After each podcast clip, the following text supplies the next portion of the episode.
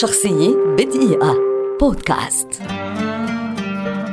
بيل راسل لاعب كرة سلة أمريكي شهير ولد عام 1934 ويعد واحدا من أساطير اللعبة على مر التاريخ. قبل مسيرته الاحترافية قاد رأسل جامعة سان فرانسيسكو إلى دورتين متتاليتين من بطولة الرابطة الوطنية لرياضة الجامعات عامي 1955 و 1956 قبل أن ينضم إلى فريق بوسطن سلتكس في ال NBA ويصبح في صفوفهم أول لاعب أمريكي أفريقي يحقق النجومية في الرابطة الوطنية لكرة السلة ويستمر مع الفريق نفسه حتى اعتزاله عام 1969 فاز راسل مع بوسطن سلتكس بلقب دوري ال NBA 11 مرة وحاز على جائزة أفضل لاعب في الدوري خمس مرات وشارك في مباراة كل النجوم 12 مرة وتم اختياره ضمن أفضل تشكيلة في الدوري ثلاث مرات وأكثر لاعب استحواذا على ال rebound أربع مرات وتم رفع رقم قميصه ستة من تشكيلة سلتكس للأبد كي لا يرتديه أحد من بعده تقديرا له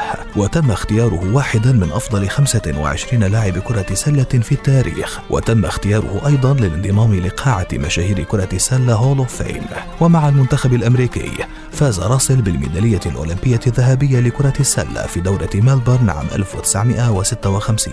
عمل راسل أيضا في مهمة استمرت لثلاثة مواسم كلاعب ومدرب لفريق سلتكس ليصبح أول مدرب أمريكي أفريقي في الرابطة الوطنية لكرة السلة سجل بيل راسل خلال مسيرته 14522 نقطة واستحوذ على 21620 كرة مرتدة. وقدم 4100 تمريرة حاسمة وهو واحد ضمن لاعبين فقط في العالم استطاعا انتزاع أكثر من 50 ارتدادا في مباراة واحدة. عام 2009 أعلنت الرابطة الوطنية لكرة السلة أن تمثال التذكار لأفضل لاعب في نهائيات الرابطة الوطنية لكرة السلة سيتم تسميته جائزة بيل راسل. وبسبب إنجازاته في حركة الحقوق المدنية داخل الملاعب وخارجها منحه الرئيس الأمريكي السابق باراك أوباما وسام الحرية الرئاسي عام 2011 شخصية بدقيقة. بودكاست.